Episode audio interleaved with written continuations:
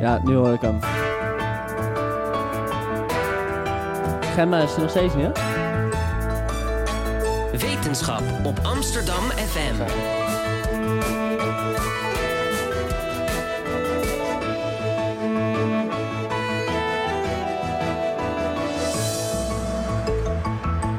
Radio Swammerdam. Een hele goede morgen en welkom bij Radio Swammerdam, het wekelijkse wetenschapsprogramma op Amsterdam FM, live vanuit de Openbare Bibliotheek. Mijn naam is Elmer Rikhoff en vandaag presenteer ik samen met mijn collega Henk Ruigrok van der Werven dit programma over gezond eten en blijven. Dit in het derde de- eh, deel van het dossier etenschap. Henk, goedemorgen. Goedemorgen. Welkom. Ben jij iemand die bewust bezig is met zijn voeding? Ja, ik ben vegetariër al heel lang. Eh, sinds groep 6 of zo al, van de basisschool. Dus ik ben daar wel bewust mee bezig. Dat ik dan wel genoeg Eh. noten erbij eet. En dat ik het een beetje in de gaten hou, dat ik niet dingen tekort kom. En ben je vegetariër ook eh, vanwege het gezondheidsaspect? Nee, vooral het milieuaspect, denk ik. Oké. Ja. Ehm, nou, onze columnist van vandaag is eh, eh, wetenschapsjournalist en schrijver Gemma Venhuizen. Gemma, welkom. Ehm, de- je zit niet achter de microfoon. Gemma kwam iets Hoi, later binnen goedemorgen. vandaag. Ja, het was eventjes zoeken naar de goede verdieping. Hoi. Ja, Maar nou, goed, over gezond gesproken. Het is geen gezonde voeding, maar wel gezonde beweging. Zo even wat trappen extra. ja, precies. Dat kan ook geen kwaad. Ehm, waar, waar gaat je column over vandaag? Nou, het gaat over zielig voedsel. Eh, het, het gaat ook over bewust met eten bezig zijn of met bewust je eten uitkiezen. Maar niet zozeer vanwege het gezondheidsaspect, maar vanwege andere overwegingen. Nou, dat eh, horen jullie zo. Ja, nou, ik ben benieuwd. Ehm, worden wij te dik door te weinig lichaamsbeweging? Is gezond eten louter een individuele aangelegenheid? En hoe schadelijk zijn E-nummers nou echt? Er is veel tegenstrijdige informatie over gezond worden en blijven. Maar wat, moeten wij nou als consument geloven? Jaap Seidel en Jut, Jut- Jutka Halberstad proberen met hun boek Het Voedsellabyrint een weg te banen uit het doolhof van eetadviezen en trends.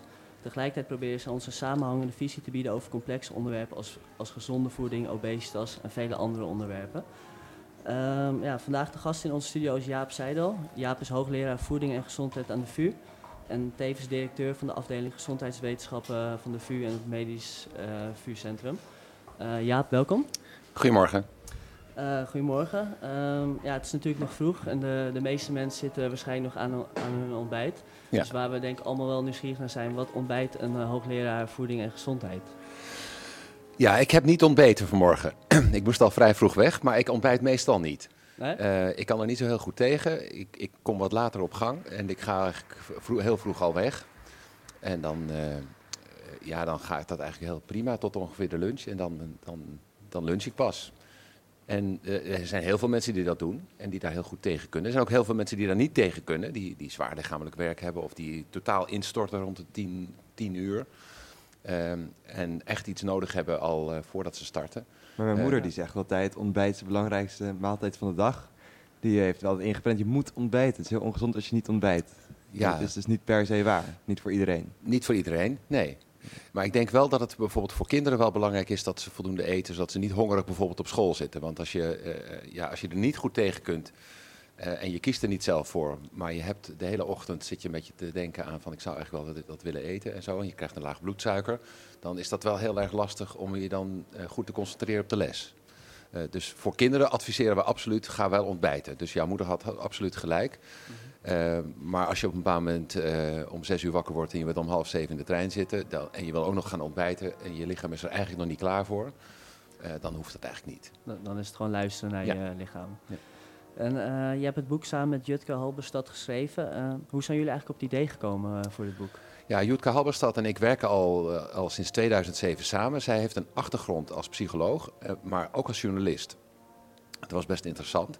En wij werkten veel samen en ik vertelde, hè, ze had heel veel vragen en ik vertelde dan van alles en zo. En dan zei ze, ja, dat moet je dus opschrijven. Eh, want als ik het niet weet, dan weten vast heel veel andere mensen het ook niet. En dat hebben we eigenlijk een beetje samen gedaan. Dus ik had veel meer, ik ben de omgevallen boekenkast, zoals dat dan eh, heet. En zij heeft ze dan weer netjes in de, in de kast gezet. Eh, Ja. Zodat het een beetje eh, zinvol is. En dat doen we al een hele tijd eigenlijk samen. We hebben eerst een boek geschreven dat heet Tegenwicht. Dat ging eigenlijk over de feiten en fabels over overgewicht. Waar word je nou wel en niet dik van en hoe zit het nou precies? en later zijn, ben ik columns gaan schrijven voor het Financiële Dagblad en het Parool. Doe ik nog steeds dat schrijven voor het Parool. En daarin stellen ook lezers vragen. En dan zie je dat heel veel mensen heel veel vragen hebben over voedsel. Ja. En eh, dat ze heel erg in de war zijn door al die informatie. Dus ja, de, de neiging om dat dus even goed uit te leggen en bij elkaar te zetten, dat, dat is eigenlijk de achtergrond van, eh, van die boeken. Ja. Wat is dan de meest gestelde vraag in het parool die je krijgt? Nou, de, de meest gestelde vragen zijn van ouders over hun jonge kinderen. Van, eh, ik heb gehoord dat rijstwafels toch niet goed zijn. Hoe zit het nou? En eh, moet je nou wel of niet groente eten? En ehm, eh, ja, ze zijn, kan mijn kind uitdrogen? En weet je, het zijn heel vaak heel bezorgde ouders die van, alles zoeken op internet en dan er niet uitkomen. En dan een mailtje sturen naar eh, eh, het parool om eh, te vragen hoe het nou zit. Dus ja, en natuurlijk veel mensen die, die iets willen weten over afvallen en zo, maar die zoeken dat meestal zelf wel op. Maar de meest gestelde vragen gaan echt over ouders van jonge kinderen. Die voelen zich heel erg verantwoordelijk en het is heel erg ingewikkeld om te weten wat nou wel en niet goed is. En ik schreef ook laatst een stukje over. ehm, eh, er is nog wat ophef over die rijstwafels. Heel veel ouders geven, omdat er zo weinig voedingswaarde in zit, tussendoortje aan, aan hun kinderen in de vorm van een rijstwafel.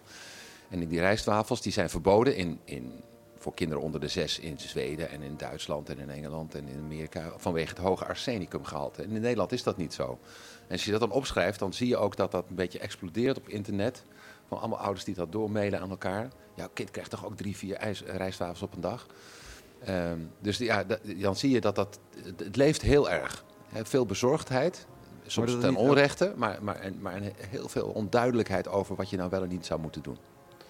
En Wat me ook opvalt eh, aan jullie boek, eh, is dat jullie bewust hebben gekozen om geen literatuurlijst eh, toe te voegen. Ja, nou dat heeft een beetje met die omgevallen eh, boekenkast te maken. Hè. Wij schrijven stukjes waarin je per stukje misschien wel honderd referenties kunt zetten van allerlei wetenschappelijke literatuur. Een stukje bij muizen en een observatiestudie bij mensen enzovoort.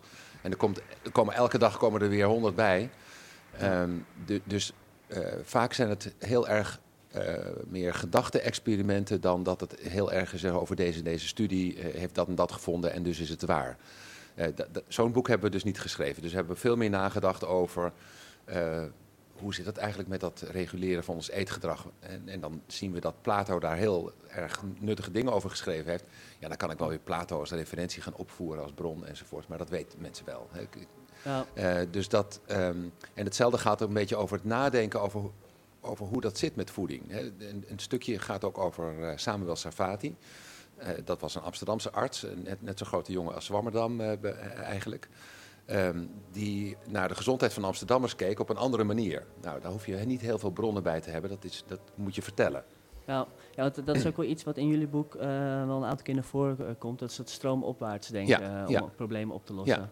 Kun, je- daar iets... Ja, nou, je, wij, ik kijk heel erg naar de, naar de, naar de stad, hè, de stad Amsterdam, en naar de gezondheidsproblemen, het voedingsgedrag enzovoort. En dan zie je dat dat voedings... eh, hè, de, als je van Amsterdam-Zuid naar Amsterdam-Nieuw-West fietst, dat is 10 minuten fietsen, dat is van de vuur ongeveer naar, ja, nou ja, eh, onder de A10 door. Eh, dan zit je ineens in een bevolking die zes jaar korter leeft en 15 jaar langer in ongezondheid. En als je dan kijkt, wat is dan voor ongezondheid? Dat is diabetes en hart- en vaatziekten en allemaal van dat soort, en obesitas. Eh, die, die zijn verantwoordelijk voor die, ongezondheid, eh, voor die gezondheidsverschillen, grotendeels. En die hebben weer heel veel te maken met leefstijl. Hoe komt het nou dat de ene bevolkingsgroep heel anders eet dan de andere?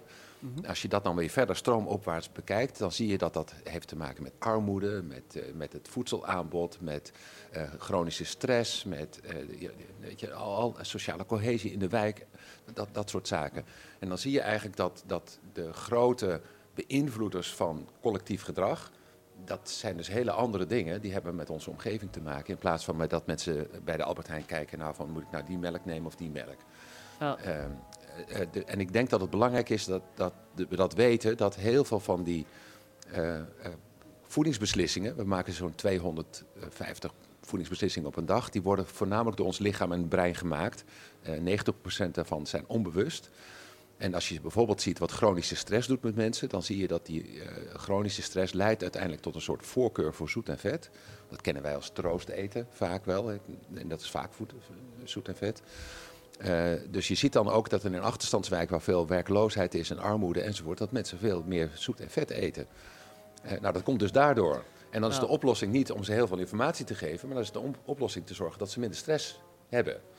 Snap je? Dus dat, je moet misschien denk ik op een andere manier naar volksgezondheid kijken dan alleen maar naar mensen maken allemaal bewuste keuzes en ze moeten dus meer informatie krijgen en dan, weet, dan gaat het vanzelf wel goed. Dat is de manier waarop het nu vooral gebeurt, voorlichting dus. Ja, ja. En, en heel veel tegenstrijdige voorlichting. Hè, van je moet, volgens, je moet dit eten en je moet dat eten. Eh, ehm, eh, als je kijkt naar een gemiddelde grote supermarkt, dan staan er 30.000 voedingsmiddelen met allemaal ingrediënten. En allemaal adviezen. En op de voorkant staat er: dit is een eh, verantwoord tussendoortje met weinig, uit, uit volle granen en met allemaal natuurlijke voedingsmiddelen enzovoort. En dat is dan gewoon een chocoladereep, bij wijze van spreken. Dus er staat van alles op. Er is verschrikkelijk veel informatie. En het idee dat je eh, op basis van die informatie allemaal heel verstandige beslissingen maakt, dat is denk ik een illusie. Want mensen stoppen namelijk van. Als je vraagt naar, naar mensen wat ze in hun karretje hebben als ze afrekenen. Ja, dat koop ik altijd. Of ja, dat was in de aanbieding. Of dat was, informatie eh, overkill. Die ja, dat de denk ik wel. Ja. En wat zou dan wel een goede oplossing zijn om die mensen wel gezonder te laten gaan eten? Eh, nou, je, je ziet dat in de supermarkt 70% van de aankopen die zijn, of meer, zijn eh, dan wel gewoontekeuzes. Hè, want ik neem altijd die, dat pak. eh, dan wel de aanbieding, de, impu- hè, de, de impulsen aankoop. Aanbieding, hè, 70% van de, van de omzet van de supermarkt gaat over aanbiedingen. Hè, deze week in de aanbieding. Eh, dus je, je kunt natuurlijk veel meer die supermarkt zo inrichten dat die gezonde keuze makkelijker is. En wat nu is die heel erg gericht op de ongezonde keuze. Wij doen nu onderzoek met supermarkten waarin we kijken naar het effect van wat wij noemen de zeurkassa. Namelijk al het snoep wat bij de kassa ligt, dat staat, staat daar niet voor niks. mhm. Mensen zijn dan aan het wachten. En dan gaan hun kinderen eh, En dan gaan de kinderen zeuren. En, ehm, en je gaat zelf ga je ook voor de bijl. Ehm, en dat, ehm, we hebben gezegd, als je dat nou eens weghaalt. Nou, dat scheelde 800 euro per kassa per week. En, Aan omzet. Ja, dat vindt de supermarkt dus helemaal niet leuk. Maar dan zie je dat het werkt. Dus de inrichting van een, van een supermarkt, de, de prijs, de plaats, eh, de, de manier waarop de marketing eh, gebeurt, die beïnvloedt dus de keuze. En omdat de grote voedingsmiddelenbedrijven al het ge- marketinggeld hebben, eh, ja, beïnvloeden die dus grotendeels ook de keuze van de consument. Maar is dat niet ook eigenlijk wel logisch dat de supermarkten willen gewoon natuurlijk winst maken? Ze maken reclame op dingen die ook makkelijk verkopen. Ja, maar je kunt natuurlijk ook winst maken op, op gezonde dingen. Ja, maar als je altijd alleen maar de crackers in de aanbieding hebt, dan gaat het ook niet zo hard. Ja, ja, nou ja, ja, ik zeg ook niet dat supermarkten eh, gereguleerd moeten worden door de overheid. Maar ik vind wel dat ze een verantwoordelijkheid hebben. Hè, veel van mijn onderzoek gaat over jeugd. En dan zie je dat 12-jarigen die kunnen in de supermarkt worden die heel snel geholpen. Ergens voor in de winkel. Want daar heb je roze koeken, frikandellenbroodjes en energiedranken. En die kun je voor bijna niks kun je die dan wel kopen. Ja, is dat nou een, een verantwoorde eh, zeg maar bedrijfsvoering van een supermarkt? Je ondermijnt eigenlijk het gezag van de ouders. Je weet dat, dat pubers heel erg impulsief zijn en dat soort dingen graag willen hebben. Eh, dus je gaat het enorm bev- bevorderen dat die ongezonde keuze wordt eh, gemaakt. Eh, en als je met supermarkten zelf spreekt, of in ieder geval met hun directies, dan hebben ze het allemaal over, dat heet dan responsible retailing, hè, over duurzaam en gezond en zo. En dat stralen ze allemaal uit. Dan moeten ze dat ook echt doen, vind ik. Eh, dus daar valt wel veel meer te doen dan eh, te denken En- van ja, mensen maken toch gewoon hun eigen keuzes. Zo, zo dadelijk meer. We gaan eerst even luisteren naar een nummer van Iggy Pop, Passenger. Ik kijk even naar de techniek of die zit op te letten. Dus dat, die staat er niet op te letten. Maar hij komt eraan. Iggy.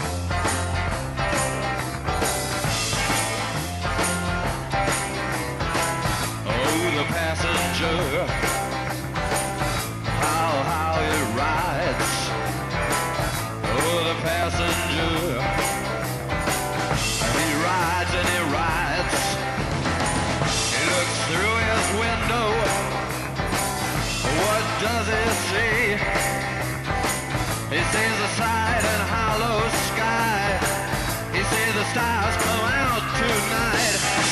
He sees the city's ripped back sides. He sees the winding ocean drive. And everything was made for you and me.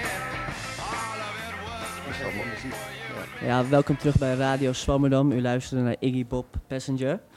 Ehm, ja, Jaap, je zegt in je boek, eh, we, we- we weten over de invloed van voeding op ons lichaam meer niet dan wel. Ja. Eh, aanbevelingen en adviezen op het terrein van voeding hoef je wat ons betreft dan ook niet te lezen als stellige geboden. Het zijn slechts afwegingen van onzekerheden. Ja. Eh, hoe komt het eigenlijk dat we zo weinig weten over voeding?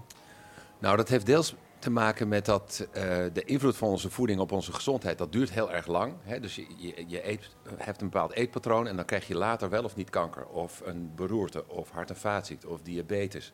En dat zijn ziektes die niet maar, zoals cholera, door één bacterie worden veroorzaakt, maar door een heleboel verschillende factoren. Gedurende een hele lange tijd. Eh, nou, wat dat allemaal precies is, hè, omdat een voedingspatroon bestaat natuurlijk uit een heleboel voedingsmiddelen en die variëren ook nog over de tijd, wanneer je opgroeit. Nou, In die voedingsmiddelen zitten heel veel voedingsstoffen die nog met elkaar een, interacteren en zo in je lichaam. Ehm, en dan is het ook nog eens zo dat ons microbiome, dat wil zeggen onze darmbacteriën, ook daar nog een belangrijke rol in spelen. Onze erfelijke aanleg daar een belangrijke rol in speelt. Dus het is heel moeilijk te voorspellen eh, voor mij om te zeggen van ja, als ik nou heel veel van vlees naar soja ga, word ik dan gezonder. Maar als, als ik dit zo hoor, is het dan überhaupt wel eh, te onderzoeken? Eh, het is heel moeilijk te onderzoeken, omdat we ook beperkte ma- manieren hebben om te onderzoeken. Je kunt experimenten doen met mensen, maar die zijn eigenlijk vanzelfsprekend kortdurend en niet al te ingewikkeld. Want ja, mensen tientallen jaren op een bepaald dieet zetten en dan kijken wat het doet. Dat gebeurt eigenlijk niet, want dat is ethisch en financieel en log- logistiek allemaal niet te doen. Dan heb je een heleboel studies waar, waar we ons op baseren die aan mensen vragen wat ze eten in een vragenlijstje. En dan kijken of ze twintig jaar later nou wel of niet de ziekte hebben gekregen. Nou ja, hoe zeker is dat dan dat dat oorzakelijk met elkaar in verband eh, staat? Dat is, eh, nou ja, dat zijn dus, dat, maar veel- heel veel meer hebben we niet. Eh, Nou. Dus er is heel veel onzekerheid over die relaties. Maar je kunt toch wel een heleboel wel zeggen. We weten dat mensen die een bepaald patroon hebben, laten we zeggen de mensen uit het Middellandse zeegebied rond de jaren 60, hè, dat, is goed onderzocht in die tijd, die hadden helemaal geen hart- en vaatziekten en diabetes, waren niet te zwaar. Eh, wat, e- wat eten die? Nou, vooral heel veel basisvoedingsmiddelen. We weten ook wel dat veel zout en veel verkeerde vetten en veel suiker, dat dat uiteindelijk maakt dat mensen daar last van krijgen. Ehm, en dat onze voedselomgeving op het ogenblik dat die leidt tot welvaartsziekten. Dus eh, over het algemeen kun je wel zeggen, als je veel meer bazaal gevarieerd en karig eet, zoals mensen vroeger, eh, zeg maar landbouwers in de, rond de Middellandse Zee, of jagers-verzamelaars, zeg maar, die gewoon uit de natuur hun voedsel halen, dan krijg je die welvaartsziektes eigenlijk nooit. Wat, wat me wel opvalt, als je kijkt naar de media, bijvoorbeeld, ik lees wel eens nu.nl, dan zie je echt een waslijst aan tegenstrijdige onderzoekjes en berichten. Eh, hoe, hoe komt het eigenlijk dat er, dat er zoveel tegenstrijdige berichten komen? Nou, dat heeft te maken met, met die ingewikkeldheid van die voeding. Laat ik het eh, zo zeggen, ik werkte een tijdje bij het RIVM en daar hadden we een afdeling toxicologie en die keek naar het effect van vissen, vis eten op de gezondheid. Nou, en die vonden allemaal zware metalen in die vissen en die zeiden, ja, je moet niet te veel vis eten, want dan krijg je allemaal verkeerde stoffen binnen. En terwijl wij zeiden, ja, maar vis bevat veel goede vetzuren en dat is dus heel goed voor je ontwikkeling en dat moet je dus wel veel eten. Eh, hetzelfde geldt voor bladrijke groenten zoals sla. Eh, daar zit veel nitraat in. Nitraat kan worden omgezet in nitriet en dat kan worden omgezet in nitrosamines. Dat is allemaal biochemisch en toxicologisch uitgezocht en dat kan het risico op kanker verhogen. Dus niet te veel bladrijke groenten eten, zeggen de toxicologen. Terwijl wij zeggen, ja, maar er zitten nog 10.000 andere stoffen in eh, sla die wel goed zijn. En de netto balans is, als mensen meer groenten eten, dan zijn ze toch wel gezonder. Dus je kunt heel veel tegenstrijdigheid, als je maar inzoomt op één of meer stoffen uit, uit, uit die voeding. Dus een ander voorbeeld is melk. Hè, daar zit verzadigd vet in. En verzadigd vet zou leiden tot hart- en vaatziekten. Maar we weten dat mensen die veel zuivel gebruiken eigenlijk helemaal niet meer hart- en vaatziekten hebben. Maar, heeft het dan wel zin dat, dat eh, die wetenschappers inzoomen op bepaalde stoffen en dan zeggen van eh, volgens eh, dit stofje eh, verlaagt de kans op kanker, ik noem maar wat. Nou ja, kijk, je wil uiteindelijk toch wel weten hoe het zit. Hè, wat maakt het nou dat die mediterrane voeding zo gezond is? Is dat nou de olijfolie, of zijn het de vissen, of is het iets in de walnoten, of is het iets in de, rode, hè, in de, de, de druiven of zo? Eh, of in de rode wijn. Ehm, dat wil je eigenlijk toch wel wetenschappelijk wel uitgezocht hebben. Dus dat is best een interessante. Hè, want als je weet dat resver- resveratrol in rode wijn dat dat voorkomt dat je hart- en vaatziekten krijgt, dan kan je dat in een pilletje stoppen, bij wijze van spreken. Hè, dus dat is biomedisch allemaal wel heel erg interessant, maar niet zo heel erg interessant voor het grote publiek. Om dat ook allemaal te gaan volgen, hoe die speurtocht van die eh, wetenschappers is. Dus ja, waar het vooral op misgaat, is dat al die wetenschappelijke kleine stukjes van informatie ook allemaal breed uitgemeten met een kop erboven in de krant komen. En dat maakt het eh, soms heel erg ingewikkeld. Maar dat is ook wel weer, je wil ook dat de wetenschap transparant is. Ja, en ja. we, moedigen juist wetenschapscommunicatie aan. Dus Jawel, maar dan moet je er wel een beetje bij zeggen van dit is maar een heel klein stukje van de informatie. En heel veel zeker weten we nog niet of dit nou ook leidt tot een betere gezondheid. maar daar gaat het dan soms ook weer fout bij de kranten die dan alleen het eh meest... Ja, nou ja, Joris Luijendijk heeft al eens gezegd... eigenlijk zou je een eh, hele transparante, hele accurate krant willen hebben... maar niemand gaat die lezen. Ja, Want dat is, eh, weet je, dat- met Ja. zoveel nuances enzovoort. Een, gro- een gro- beroemd voorbeeld van de afgelopen tijd is natuurlijk het rode vlees. Wat dan Ja, eh, kankerverwekkender dan sigaretten zou zijn, eventueel. Of even, even kankerverwekkend. Ja. Dat is van de NOS die dat toen heeft gebracht. Ja. En dan zie je dat vaak, dat journalisten eh, het ver- verkeerd opvatten. Nieuws over... Ja, en dat ligt soms ook wel aan de wetenschappers zelf, hoor, die het op de verkeerde manier in, eh, in de pers eh, brengen. Ehm, want je wil ook als wetenschapper wel in de krant komen. Weet je, dus dan ga je toch iets mooier maken of iets duidelijker of iets helderder vertellen en iets simpeler. En dan klopt het weer niet. En dat, en dat simplificeren van die boodschap, van wat, wat mijn bevinding van deze onderzoek bij, die, hè, bij zoveel muizen in mijn laboratorium nou eigenlijk betekent. Ik, want ik wil ook wel weer nieuwe subsidie hebben. Betekent dat ook heel veel wetenschappers hun, hun resultaten opkloppen. En, eh, en de media gaan dan, die toeteren daar nog eens een beetje overheen. En eh, nou, dat die vleeswaren en kanker, dat is misschien wel een goed voorbeeld. Hè. Op een bepaald moment heeft de, de Wereldgezondheidsorganisatie een systematiek van... is iets nou wel of niet kausaal eh, in, in relatie tot kanker? Er zijn verschrikkelijk veel stoffen die uiteindelijk ook een beetje kankerverwekkend zijn. En het blijkt eigenlijk relatief zeker dat mensen die veel vleeswaren eten... Of, dat die meer risico hebben op dikke darmkanker. Dus de zekerheid, die hebben ze nou eh, buiten gebracht... Ehm, je kunt dan ook nog zeggen van het is een kwart meer risico bijvoorbeeld. Maar als dat kan betekenen dat het van 4% naar 5% gaat. Dat Ja. risico voor jou als individu. En dat betekent dus bijna niks. Eh, maar voor een hele bevolking, eh, als 4% of 5% kanker krijgt, dan betekent dat duizenden gevallen per jaar. En dan kan je dus toch zeggen, er is een kausaal verband. En dat vindt de media en de wetenschap dan interessant om aan de man te brengen. Ja, maar en, en, en, daar- uitgelicht. en daarmee zit het Ja. in dezelfde soort van zekerheid als asbest en roken. Want die- daarvan weten we ook vrij zeker dat het eh, een relatie heeft met kanker. Maar het effect van roken is vele malen groter ehm, dan dat van vleeswaren. Eh, waar ik ook wel benieuwd naar ben, van, eh, wat is eigenlijk de, de rol van de voedselindustrie? In, in, eh, wat speelt die eh, bij de verwarring? Nou, eh, ja, eh, voedsel is net zoals een wetenschapper, die moet de, eh, de- dat moet verkocht worden. Dus je gaat claims bedenken van waarom jouw voeding meer, ge- jouw voedsel, jouw product meer gegeten moet worden dan een ander.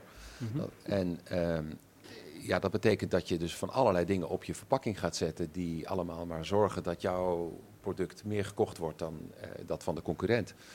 Ehm, voor een deel is het natuurlijk zo dat de, de voedingsmiddelenindustrie die bepaalt voor een groot gedeelte wat er, wat er samen, en de- samen met de supermarkten en de cateraars en de, en, en, de, de, food service sector, zoals dat dan heet, zoals hier rondom het eh, Amsterdam Centraal, die bepalen eigenlijk wat er voor eten allemaal te koop is. En tegen welke prijs en wat erop staat en wat er, wat er voor marketingbudgetten zijn enzovoorts. En ja, dat bepaalt dus ook voor een groot gedeelte wat mensen kopen. Eh, dus die invloed van die voedingsmiddelenindustrie is enorm. Ehm, er zijn hele strenge regels over wat je wel en niet op je verpakking mag zetten of hoe veilig het moet zijn. Maar hoeveel zout en suiker er allemaal in zit, dat is allemaal niet gereguleerd. Dus dat is ook een beetje een, een van de thema's dat we som- soms ons blind staren op eh, heel belangrijk maken van bijna niet relevante gezondheidsrisico's. Spoortjes dioxines, zou ik maar zeggen, in een frikandel die zouden, zouden kunnen zitten. En dan wordt zo'n hele partij eruit gehaald en vernietigd en zo. Eh, maar de hoeveelheid zout en, en de hoeveelheid vet en, en, eh, en andere stoffen in frikandellen die ongezond zijn, die worden niet eh, ik, gereguleerd. ik las in jouw boek ook dat de voedselmiddelenindustrie natuurlijk ook voornamelijk onderzoek financiert die aansluit bij hun producten. Ja, natuurlijk wil je dat iemand gaat onderzoeken en een effect vindt van jouw voedingsmiddel, wat je op de verpakking kan zetten in de marketing. Er zit natuurlijk een direct belang. Je gaat niet iets eh, laten onderzoeken voor veel geld, eh, door een onder, eh, waar- waaruit blijkt dat jouw product eigenlijk ongezonder is dan alle andere. En dat je er eigenlijk op moet zetten, eet dit vooral niet. Is, dat, is dat wel ethisch om dat aan de voedselmiddelenindustrie over te laten? Eh, nee, kijk, de voedingsmiddelenindustrie doet natuurlijk zelf al veel onderzoek. Hè. Dat heet dan eh, R&D, eh, Research and Development. Gewoon grote laboratoria waarin ze heel veel onderzoeken. Grote bedrijven zoals Nestlé, die hebben in de bergen in Zwitserland een enorm complex van allemaal wetenschappelijke instituten van, en, en, en gerenommeerde wetenschappers die onderzoek doen. Maar ik denk dat de mensen die vooral ook de adviezen moeten geven aan de bevolking, dat die vooral onafhankelijk moeten zijn, zoveel mogelijk. Dus dat eh, mensen die bij de universiteit onderzoek doen, eh, niet alleen maar afhankelijk worden gemaakt van subsidies van het bedrijfsleven. Want dan gaan ze alleen maar onderzoeken wat het bedrijfsleven interessant vindt. Dat ten eerste. En ten tweede weten we ook dat de resultaten dan gekleurd worden. Op een of andere manier worden die toch positiever eh, gevonden dan ander, anders gefinancierd onderzoek. Ja, en ik denk dus dat er heel veel behoefte heeft aan heel veel meer onafhankelijk onderzoek. En dat, dat gebeurt niet omdat de overheid gezegd heeft, ja, dat, dat, al dat onderzoek kost ons wel veel te veel geld. Ze zorgen maar dat ze het met het bedrijfsleven doen. Dus eh, onderzoekers op de universiteiten die worden gedwongen, ook door NBO en zo, om met om, het bedrijfsleven in om met zee het te bedrijfsleven in zee te gaan. Dat is geen goede ontwikkeling. Maar wat ik me nou afvraag, hè, zelfs al als dat allemaal helemaal onafhankelijk en, en Ja. transparant zou zijn, als consument. Ik hoor nou, en dat heb ik al wel vaker gehoord, van als je chronische stress hebt, dan heb je meer zin in zoet en vet eten. Ik, hou, Ja. ik ben dol op zoet en vet eten en ik heb misschien ook wel chronische stress. Maar hoe dan ook, ik vind het heel lastig om dat te veranderen. Ik weet wel dat wat, wat, wat ik het lekkerst vind, dat dat niet het gezondst is. Maar heb je Ja. Tips? Hoe pas je al die wetenschappelijke dingen toe in je leven? Nou, het helpt al heel erg als je je daarvan bewust bent. De, de meeste mensen zijn zich niet bewust en die hebben dan het idee van ik word zwaar en ik, ja, ik, ik, ik, eh, al- als ik me rottig voel, dan zit ik voor de tv en dan heb ik zomaar zo'n bak ijs leeggelepeld. Eh, dan voel ik me daar schuldig over. Nou, dat je weet dat dat eigenlijk niet iets is wat te maken heeft met gebrek aan wilskracht of dat je een beetje dommig bezig bent, maar dat dat gewoon de biologie is. Dat helpt al heel veel mensen om zich daarvan bewust te zijn. En op een bepaald moment ook na te denken over, kan ik niet op een andere manier met mijn stress dan omgaan? Ehm, hè, want, eh, en datzelfde geldt voor allerlei, allerlei andere on, onlustgevoelens, zal ik maar zeggen, over belonen. eh, is als je je rottig voelt. Eh, dat kan natuurlijk ook door op een andere manier je, je te gaan troosten met iets. En, hè, dan, dan moet je niet gaan zoeken in alcohol, drugs en, eh, en, en go- gokken. Want dat doen sommige andere hè, mensen. Maar dan moet je het meer zoeken in ontspanning. En, eh, hè, dus op, we weten ook dat mensen die aan, en dat heet dan, dan in, met een heel modieuze term, mindfulness. Eh, Dat is een- eigenlijk een vreselijk woord, maar in ieder geval, het gaat gewoon be- bewust met je eten omgaan, dat dat al heel erg helpt. En als je weet dat, dat je eh, door veel stress ook ongezond gaat eten, eh, dat je er daarvan bewust bent en dan misschien iets anders in de koelkast zet. Dus het kan wel helpen. Ja, want, eh, ja, dat is natuurlijk best wel complex, al die eh, voedselwetenschap, eh, in ieder geval voor de mensen thuis. Eh, kun, je, kun je ons helpen van wat, Ja. wat is nou een gezond voedselpatroon? Nou, dat is dat, dat, daar is een beetje ook dat labyrint, labyrint voor. Hè. We zijn dus, het lijkt zo ingewikkeld en daardoor is het een onoverkomelijke brei aan, aan gegevens. Maar de hoofdboodschap is eigenlijk helemaal niet zo ingewikkeld. Hè, dat, eh, we weten dat bijna al die ongezondheid komt door die heel sterk bewerkte producten. Hè, wat ze in het Engels noemen ultra-processed foods. Hè, waar, eh, en, eh, dat wanneer je eh, basisvoedingsmiddelen eet die niet al te zeer bewerkt zijn en je zorgt ook dat je tijd maakt om het zelf klaar te maken en, en, en dan heb je het over, samen te eten. over groenten en fruit. Ja, gewoon basisproducten. Ook, wel, ook vlees, hè, dat, dat, kan best. dierlijke producten, maar dan niet de, de, de, de gepekelde, gerookte achterham, zou ik maar zeggen. Maar gewoon vlees wat je zelf klaarmaakt. Eh, en dat, eh, de eenvoudige regels die staan ook wel in dat voedsellabyrint aan het einde. Dat is toch wel veel meer eh zorg dat je meer tijd besteedt aan, het kiezen van je voedsel en het bereiden van je voedsel en het eten van je voedsel.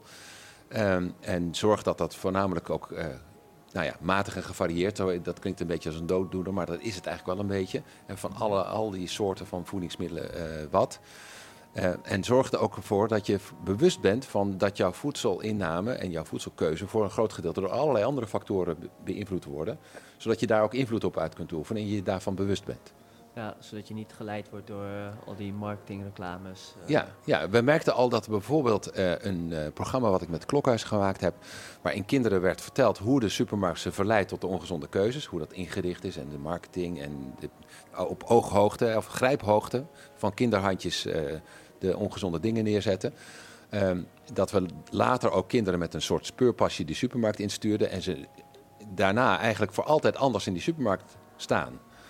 Eh, wat ook enorm helpt, en daar zijn we ook heel erg mee bezig, is ki- kinderen eten heel weinig, wei- weinig groente en ze lusten het niet. En we weten dat wanneer we kinderen laten tuinieren in schooltuinen en dat we het laten koken met, met mensen die daar verstand van hebben en een groentesoep maken van de groenten die ze zelf geproduceerd hebben, dat ze dan eigenlijk op een heel andere manier naar voedsel kijken. Eh, dus dat begint eigenlijk ook al heel vroeg, dat je met die voedseleducatie, noemen we dat dan maar, voedselvaardigheden, kennis, vaardigheden, Ja. eh, dat dat al enorm helpt om anders na te denken over voedsel. Als een kind één keer naar een boerderij is geweest en weet waar het vlees vandaan komt, de melk en eh, hoe, hoe dat gaat op zo'n boerderij, dan kijkt hij op een, al- voor zijn leven anders naar voedsel dan wanneer hij alleen maar in de supermarkt komt. Dus e- eigenlijk eh, opvoeding is wel heel erg belangrijk. Ja, dat begint dus heel vroeg. Eh, dat, dat is ook een van de thema's die we in Amsterdam erg eh, benadrukken. Dat de eerste duizend dagen na conceptie, die zijn heel erg belangrijk. Dat wil zeggen dus de, tijdens de zwangerschap en de eerste twee levensjaren. Daarin wordt voor een groot gedeelte vastgelegd wat jouw voedselvoorkeuren zijn. Eh, hè, tussen vier en twaalf maanden eet je alles wat jouw moeder jou geeft en daarna stop je ermee. Dat is heel verstandig van de natuur, want dan ga je rondrennen en moet je niet alles in je mond stoppen wat je maar tegenkomt. Dus dan, dan moet je, hè, dat heet neofobie, alles wat je dan nog niet kent, dan moet je niet eten. Ja. En die, dat, dat, dat, dat, eh, die periode van 4 tot 12 maanden, dat is dus heel belangrijk. En dat weten heel veel ouders niet. En dat betekent wel dat je wat met wat geduld eh, kinderen moet leren om groenten te eten. Want kinderen vinden van nature zure en bittere voedingsmiddelen niet lekker.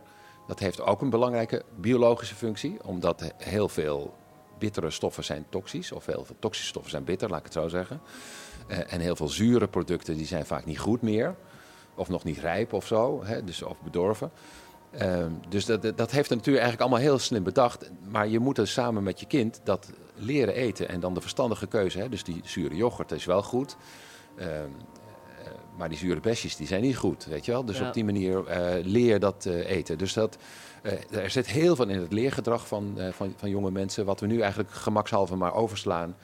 En, en met, met gepureerde potjes maar- maar opvullen. En dat is niet verstandig. Ja, nou, zo dadelijk meer. We gaan zo eerst eh, luisteren naar column van eh, Gemma Venhuizen. Ben je er klaar voor? Ik ben er klaar voor. En ik wil nog even zeggen, ik ben heel blij met het boek. Ik ga het zeker lezen, want ik weet af en toe gewoon... Hè, door het hele woud van gezondheidsgoeroes en zo... weet ik ook niet meer eh, wie of wat ik moet geloven. En vandaar dat ik in de supermarkt... ehm, een soort andere tactiek heb. Ik, omdat ik ja, nooit zo goed weet wat nou wel of niet gezond is. eh, of dat soms wat gezond is weer afwijkt van wat ik lekker vind.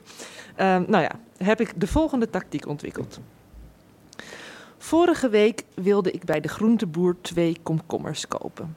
Eén om sandwiches te maken, één voor in de sla.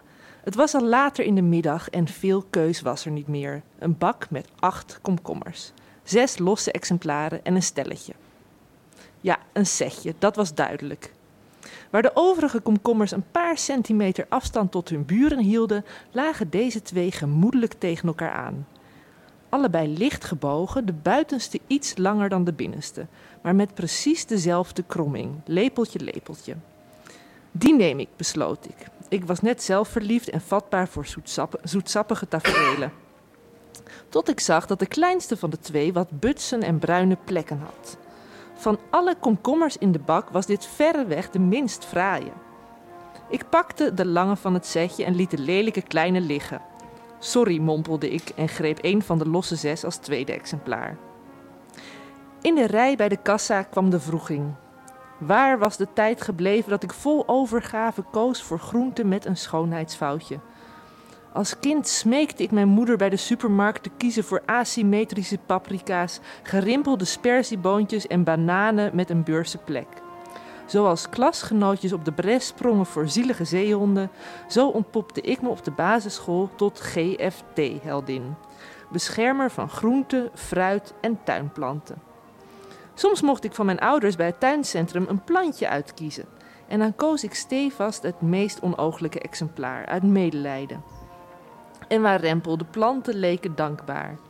Zo werd het frambozenplantje met bruine bladeren dat op sterven na dood was geweest, een vieren struik die jaar na jaar bakken vol frambozen afleverde. Met de jaren verdween mijn compassie. Wanneer ik na mijn werk nog gauw boodschappen moest doen, nam ik de tijd niet om stil te staan bij al het groenteleed. Alleen toen de Volkskrant een keer kopte dat peentjes bij de groenteboer nog leven en een dag-nachtritme hebben, moest ik even slikken. Om daarna mijn rasp tevoorschijn te halen voor de wortelsla. Gelukkig zijn er andere groente- en fruithelden die standvastiger zijn dan ik. Zo richtte prins Charles in Engeland de Vegetable Shed op, waar hij acht jaar lang misvormde biologische groenten verkocht. Helaas moest de hut een paar jaar geleden sluiten vanwege een te lage omzet. En natuurlijk was er een paar jaar geleden in Amsterdam, de Dam Food Waste, waar ruim 5000 mensen een gratis warme lunch kregen van voedsel dat anders in de vuilnisbak zou zijn beland, omdat het niet mooi genoeg zou zijn. Niet mooi genoeg. Om die reden verspillen we jaarlijks tonnen aan voedsel. Wereldwijd kan een derde van de gehele voedselvoorziening worden, worden bespaard door het verminderen van voedselverspilling. Een derde, genoeg om 3 miljard mensen te voeden. Niet alleen die arme mismaakte groenten zijn dus de dupe van ons voortdurend streven naar esthetisch eten, ook wij zelf. Daarom heb ik besloten een nieuwe traditie in het leven te roepen. Elke week ga ik experimenteren met taartrecepten waarin ik minstens drie lelijke groenten of overrijpe vruchten verwerk. Gisteren ben ik begonnen met een wortelbanaantaart. Misschien niet heel goed voor de lijn, maar wel voor mijn geweten. Hoe het met de komkommers is afgelopen? Uiteindelijk heb ik toch ook het tweede exemplaar van het setje erbij gepakt. Er was best ruimte in mijn koelkast voor een triootje.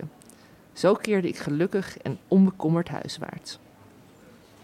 Dankjewel. Een GFT-heldin. Ik vind het een mooi nieuw woord. Ik wil het meedoen. Nog even uitleggen, beneden is een concert bezig. Nu valt hij even stil, maar dat is een fluitconcert. En eh, dat hoor je misschien af en toe door de uitzending heen. Maar Ja, extra dimensie. Ja, dat is het leuke, het hier live in de OBA is van alles te beleven. Ja.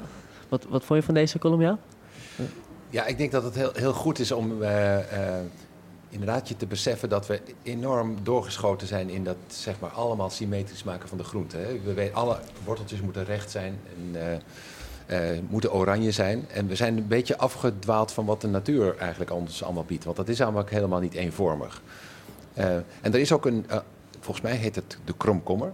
is een aparte beweging die zich ook bezighoudt met dat, zeg maar, dat niet, niet symmetrische fruit en zo. Om dat in de supermarkt meer te Ja. promoten. En we weten dat kinderen, want je had het ook over je kindertijd misschien, dat reuze interessant vinden. Hè? Dus eh, als die Ja. op een bepaald moment op zoek gaan naar de wortels met de meest bizarre eh, kronkels en, en, en zij uitscheuten en zo. eh, dan vinden ze dat echt heel erg eh, interessant om die ook later op te gaan eten.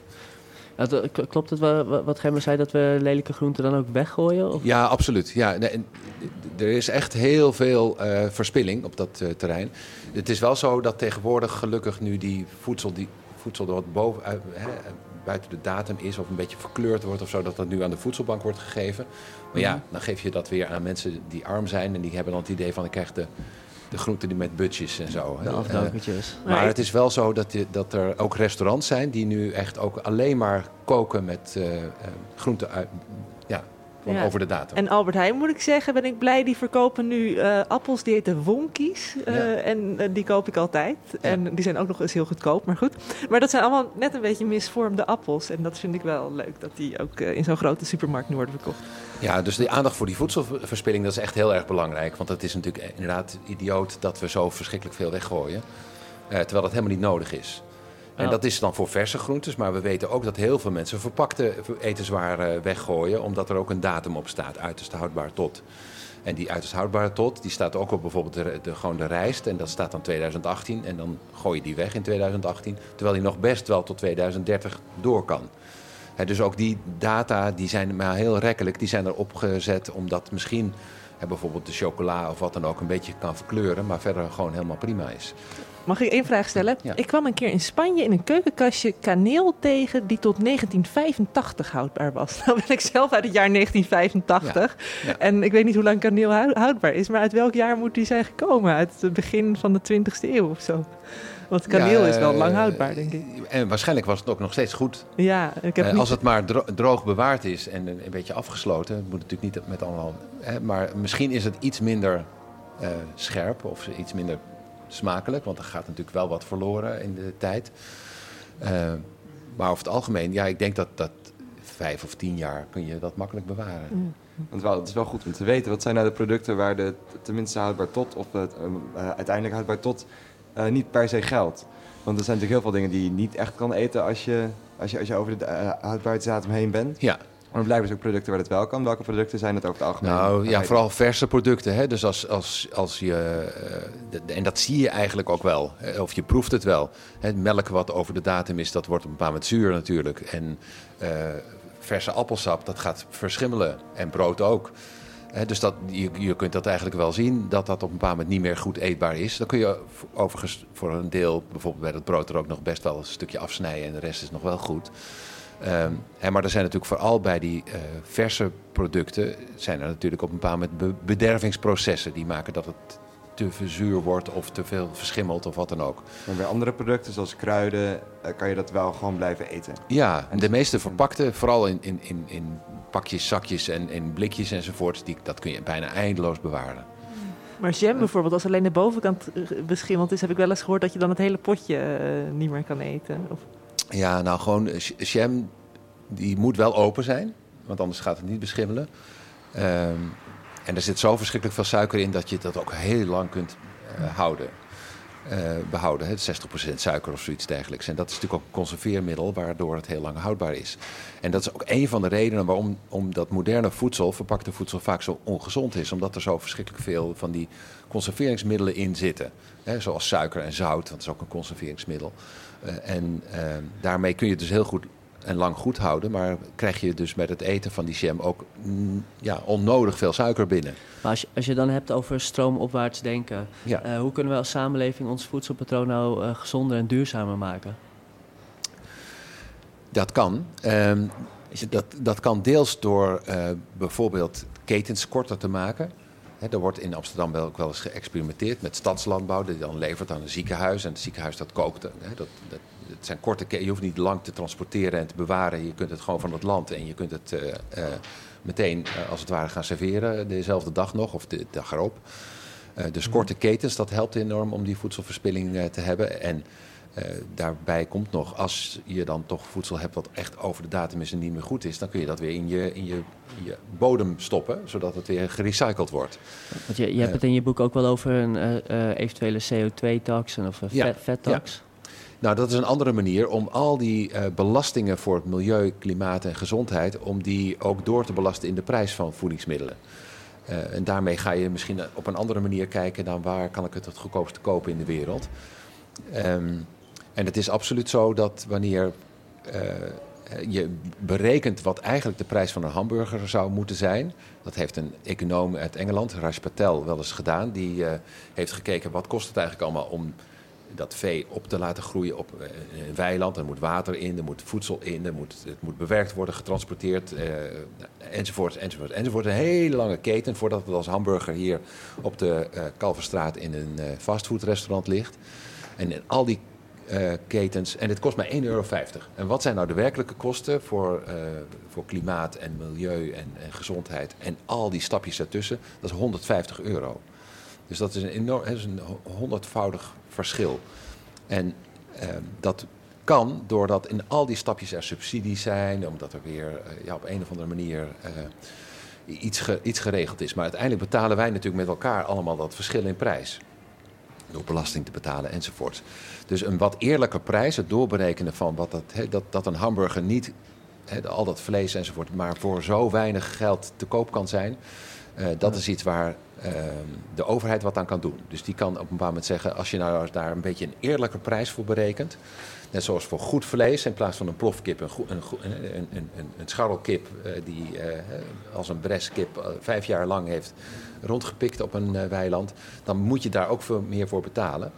Eh, m- maar eh, die plofkip is zo goedkoop.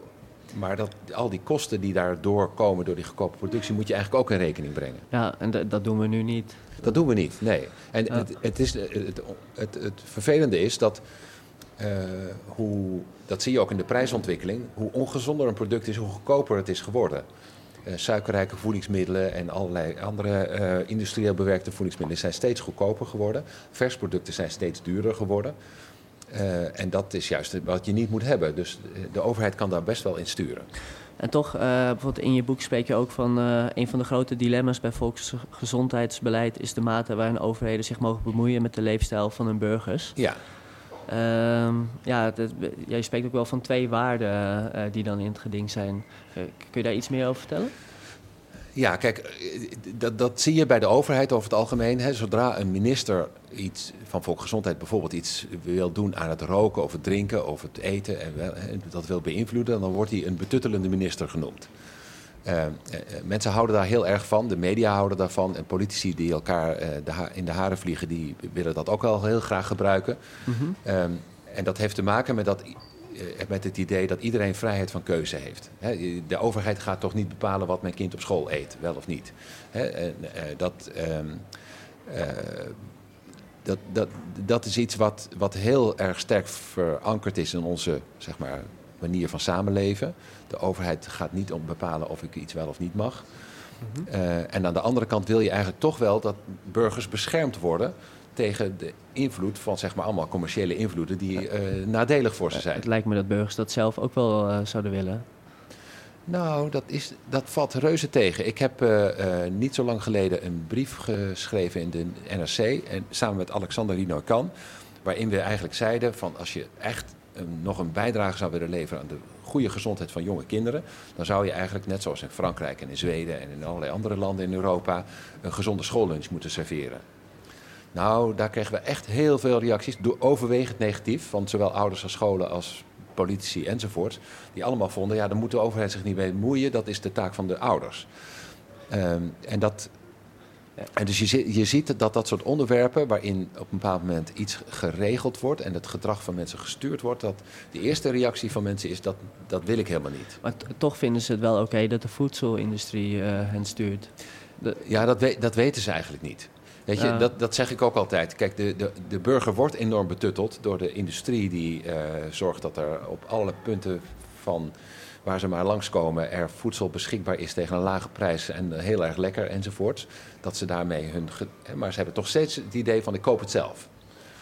Eh, en ik weet ook eh, van overleg met supermarkten dat wanneer je die producten weg gaat halen, bijvoorbeeld zegt we, verkopen geen energiedrank meer dan krijg je heel veel protest van. Dat, dat, ik wil dat kopen als ik dat. eh, ik, ik, moet dat ik, ik wil dat kunnen kopen. Ehm, en dat is iets wat, eh, wat, wat lastig is. Dat is bij roken natuurlijk eigenlijk ook al heel lang zo. Het, de roken, dat maak je zelf wel uit en zo, of je wel of niet rookt. Terwijl we weten dat het verslavend is en enorm gestimuleerd wordt door de, door de industrie.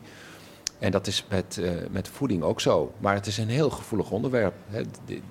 Dat is iets waar. eh, ehm, eh, ministers echt heel beducht over zijn. Hè, van ga ik nu ingrijpen in, in wat mensen wel en niet kunnen kiezen en ga ik ze sturen in hun gedrag? Gaat de minister vertellen wat ik wel en niet moet doen? Dat is iets wat heel ingewikkeld ligt en dat ligt heel gevoelig op verschillende terreinen. Hè. Dus laat ik een voorbeeld noemen. Ehm, eh, in de jaren 70 was er sprake van een epidemie van tandkaries bij kinderen. Hè. Dus allemaal gaatjes in hun tanden. Dat kwam door ongezond snoepen en eh, dat soort zaken. En toen is in de meeste landen is er fluor in het drinkwater gedaan. Maar dat vonden ze in Nederland eigenlijk niet, eh, geen goed idee. Dat de overheid zou bepalen dat je wel of niet fluor binnenkrijgt. En daardoor geen tandkaries heeft. Dus wij hebben hier gekozen voor het poetsen met, eh, eh, Fluoride fluoride tandpasta. Eh, en dat is een andere manier. Hetzelfde geldt voor het voorkomen van open ruggetjes. We weten dat foliumzuur daar belangrijk is. Dat de meeste mensen niet genoeg groente eten om voldoende foliumzuur binnen te krijgen. En vrouwen die net zwanger worden, moeten dan veel foliumzuur binnenkrijgen. In de meeste landen, zoals de Verenigde Staten enzovoort, is dus nu foliumzuur toegevoegd aan voedingsmiddelen, zoals brood en eh, allerlei andere producten. Zodat iedereen voldoende foliumzuur binnenkrijgt. En hier in Nederland hebben we gezegd: nee, dat moeten mensen zelf doen. En dus je moet, als je een zwangerschapswens hebt, moet je foliumzuurtabletjes gaan kopen. En die moet je dan innemen gedurende zo zoveel maanden. En dat gebeurt maar heel ten dele. Maar dat betekent wel dat de, de individuele consument wordt verantwoordelijk gemaakt voor het eh, genoeg binnenkrijgen van het foliumzuur. Dus dat zijn politieke overwegingen die op een bepaald moment maken. Ga ik me als politicus nou bemoeien met, eh, met, met de inname van voedingsstoffen van mijn burgers of niet? Maar, wat, wat, wat vind jij dan, zeg maar, eh, gezien de hele situatie, moeten wij als burgers eh, dat gaan afdwingen bij de overheid? Of, eh, ehm, Ja, ik denk dat wat de toestand nu is, is dat door, door marketing, de prijs en het aanbod van voedingsmiddelen de, de, de, de, de, consument gestuurd wordt naar de ongezondere keus. Ehm, dat dat voor een groot gedeelte allerlei gezondheidsproblemen oplevert.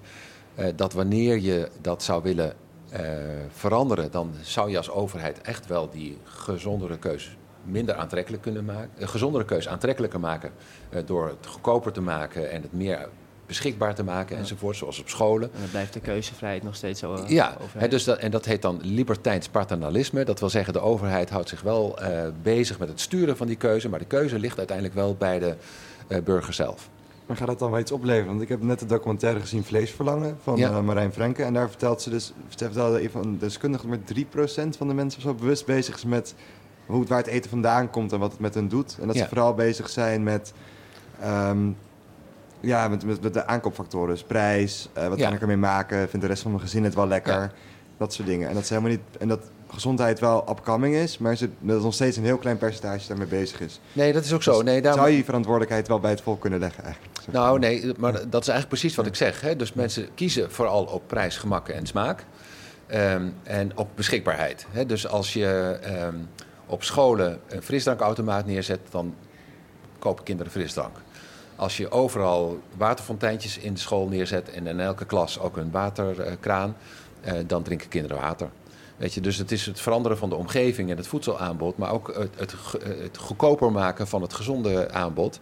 Eh, dat, dat bepaalt uiteindelijk wel dat consumenten het gaan kiezen. Niet vanwege hun gezondheid, maar omdat het in de aanbieding is. Eh, en wat dus heel onverstandig is geweest van de overheid, is dat ze. eh, er, zit een beetje zo'n soort tax op frisdranken en dat soort zaken in Nederland. Maar op een bepaald moment hebben ze ook het water duurder gemaakt. Hebben ze dezelfde tax opgeheven. Ja, dat moet je dus juist niet doen. Hè. Dus water kost nu 2 euro in een, in een automaat op school. Eh, en frisdrank ook. Nou, dus dan geef je een kind 2 euro en dan mag die kiezen. Nou, dan kiest hij altijd kiest hij niet voor het water. Eh, en dat, dat soort dilemma's, die moet je denk ik als overheid eigenlijk wel aangrijpen. En zeggen, in principe zijn instellingen zoals het onderwijs, die zijn er niet voor, voor het beïnvloeden van ongezond gedrag. Dus we hebben daar standaard altijd het gezonde aanbod en gezond, ongezond eten komt daar gewoon niet in. Nou, Wat ik eigenlijk wilde weten vooral is, is dat, is dat libertijns eh Paternalisme, paternalisme, wat je ja. net noemde, is dat dan voldoende, denkt u, om te veranderen? Nee, maar het is wel een goed uitgangspunt. Ten eerste helpt het om de overheid wel te kunnen gaan sturen. Want nu zeggen ze, ja, weet je, ik ga daar niet over. Dat moeten mensen allemaal maar zelf weten. Iedereen bepaalt zelf wat hij in zijn mond stopt. Dat is een beetje een naïeve gedachte. Omdat die keuze van dat eten, dat wordt voornamelijk toch wel door de industrie, de marketing en allerlei andere dingen bepaald. Dat je daar als overheid tegenwicht tegen biedt. En zegt van, nou, dat, dat, het idee dat het ongezonde eten steeds goedkoper is en het gezonde eten steeds duurder. Daar kunnen wij als overheid best wel wat in sturen. ik, ik hoorde eindtune al. Eh, dus we zijn helaas weer aan het einde gekomen van deze uitzending. Maar eh, ja, ik dank jou eh, hartelijk voor, je, voor je komst. En uiteraard ook Gemma voor de column. Dank ook mijn collega Henk en Maureen die vandaag achter de techniekknoppen stond. Eh, vond u het interessant en wilt u meer weten over gezonde voeding? Lees dan vooral het boek van Jaap Seidel en Jutke Halberstad, Het Voedsellabyrint. Eh, volgende week is alweer onze laatste uitzending van dit seizoen. Eh, deze uitzending zal het teken staan van columnisten. Het zal een heuse columnisten special worden. Eh, wilt u op de hoogte blijven van ons laatste nieuws? Volg ons dan gerust op Twitter en Facebook. Eh, zoekt u dan op Radio Swammerdam. En fragmenten van de uitzending kunt u later terugluisteren op de website van Amsterdam FM. En de gehele uitzending kunt u terugluisteren via onze podcast en Soundcloud of Stitcher. Zoekt u dan ook op Radio Swammerdam. Mijn naam is Elmer Rikhoff. Graag tot volgende week.